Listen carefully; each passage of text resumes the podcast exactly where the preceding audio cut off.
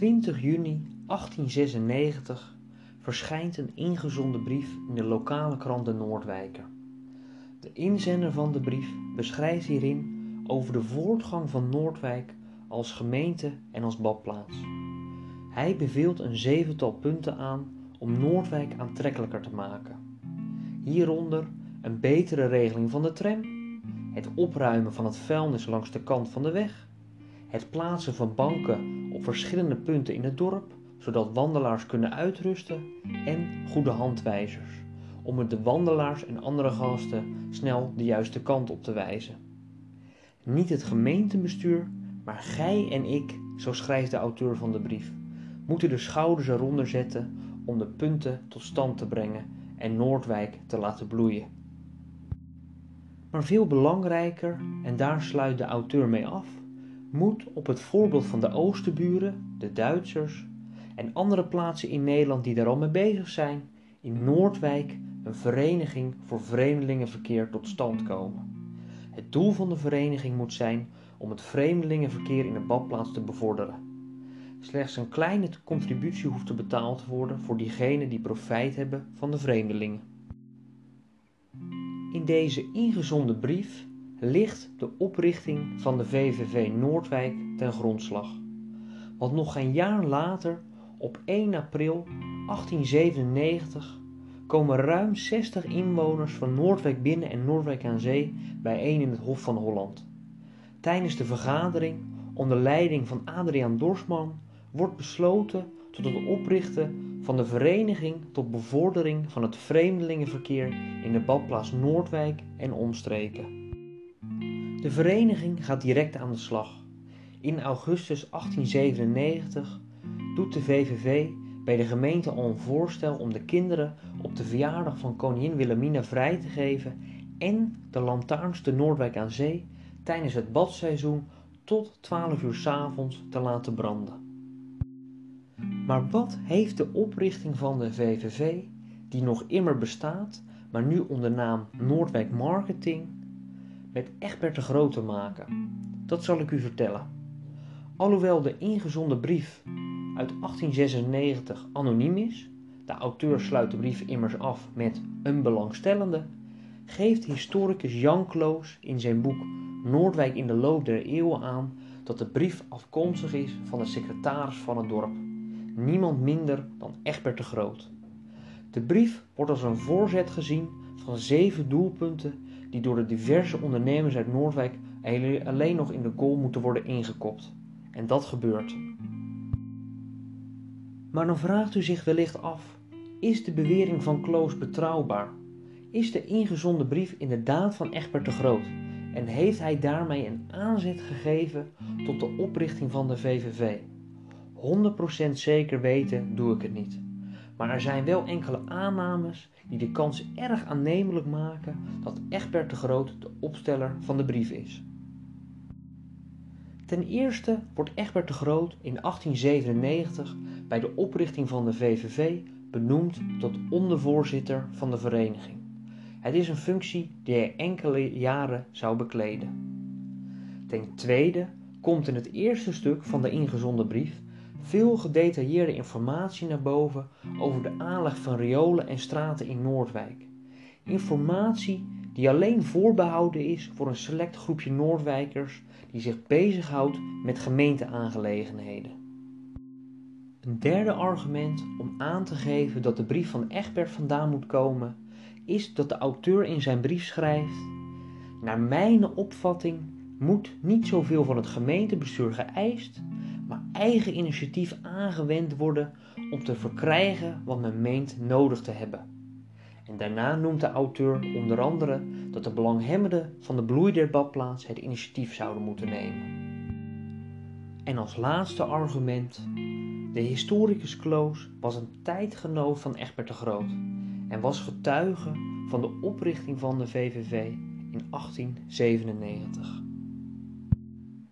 Egbert de Groot heeft naast zijn functie als gemeentesecretaris, gemeenteontvanger en directeur van Maatschappij de Toekomst nog vele nevenfuncties in Noordwijk en daarbuiten gehad.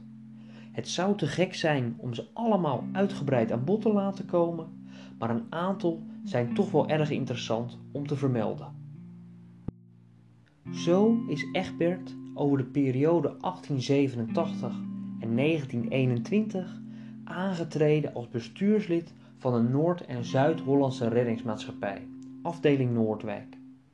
De Koninklijke Reddingsmaatschappij, zoals wij die vandaag de dag kennen, is voortgekomen uit de in 1824 opgerichte Koninklijke Noord- en Zuid-Hollandse Reddingsmaatschappij.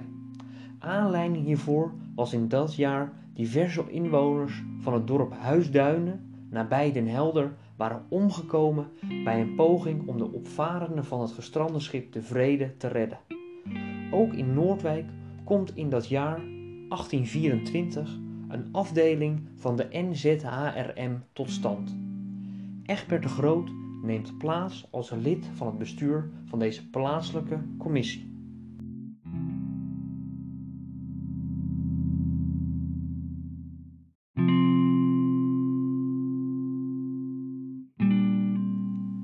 Egbert als administrateur van de gasfabriek Noordwijk. Tot 1868 is men in Noordwijk, zowel in Noordwijk binnen als in Noordwijk aan zee, toegewezen op het stoken van kolen als brandstof. In 1868 komt er verandering in als er door de heer Kleinpenning een kleine petroleumgasfabriek wordt gebouwd. Het bedrijf is kleinschalig en 30 jaar later komt er een einde aan door een ontploffing. In 1902 besluit de gemeente een nieuwe gemeentelijke gasfabriek neer te zetten. Deze wordt een jaar later geopend. En wie moet alle financiën en de administratie bijhouden? Juist, Egbert de Groot. Door zijn drukke leven neemt hij echter al snel afstand van de functie. Egbert als lid van het bestuur der Nederlandse Bond van Gemeenteambtenaren. Op 4 juli 1880 wordt de Nederlandse Vereniging van Gemeenteambtenaren opgericht, met het algemene doel de belangen te behartigen van de gemeenteambtenaren, en in het bijzonder ten behoeve van de pensioen, het weduwe- en het wezenfonds. In 1887 wordt de naam gewijzigd in de Nederlandse Vereniging voor Gemeentebelangen.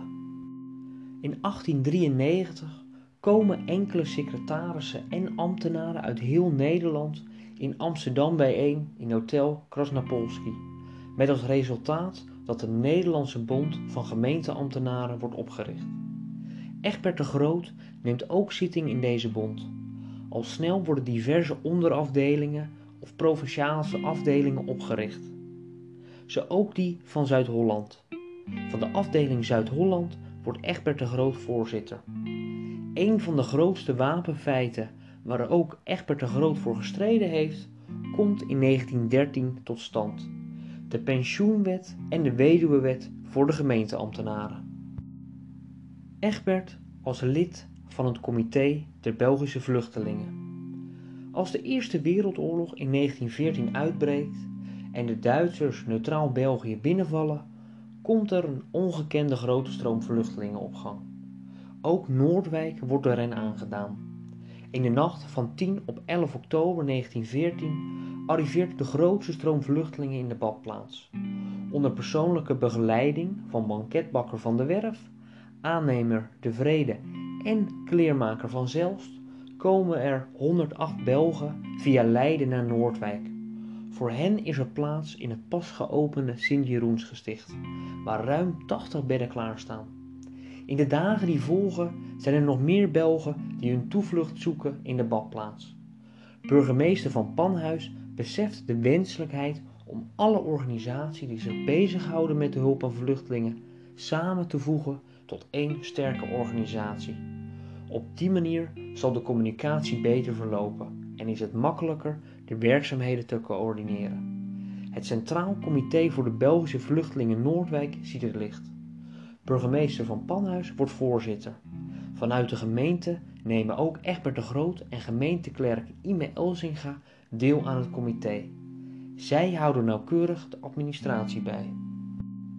En daarnaast heeft Egbert de Groot natuurlijk nog in diverse schoolcommissies plaatsgenomen. Is hij voorzitter geweest van de Maatschappij voor Nijverheid en Handel, afdeling Noordwijk, en is hij jarenlang ambtenaar van de burgerlijke stand geweest. Bij de opening van de elektrische tram in 1912 is hij eveneens prominent aanwezig. Kortom, een duizendpoot in de Noordwijkse historie. En iemand die zijn straatnaam meer dan waard is.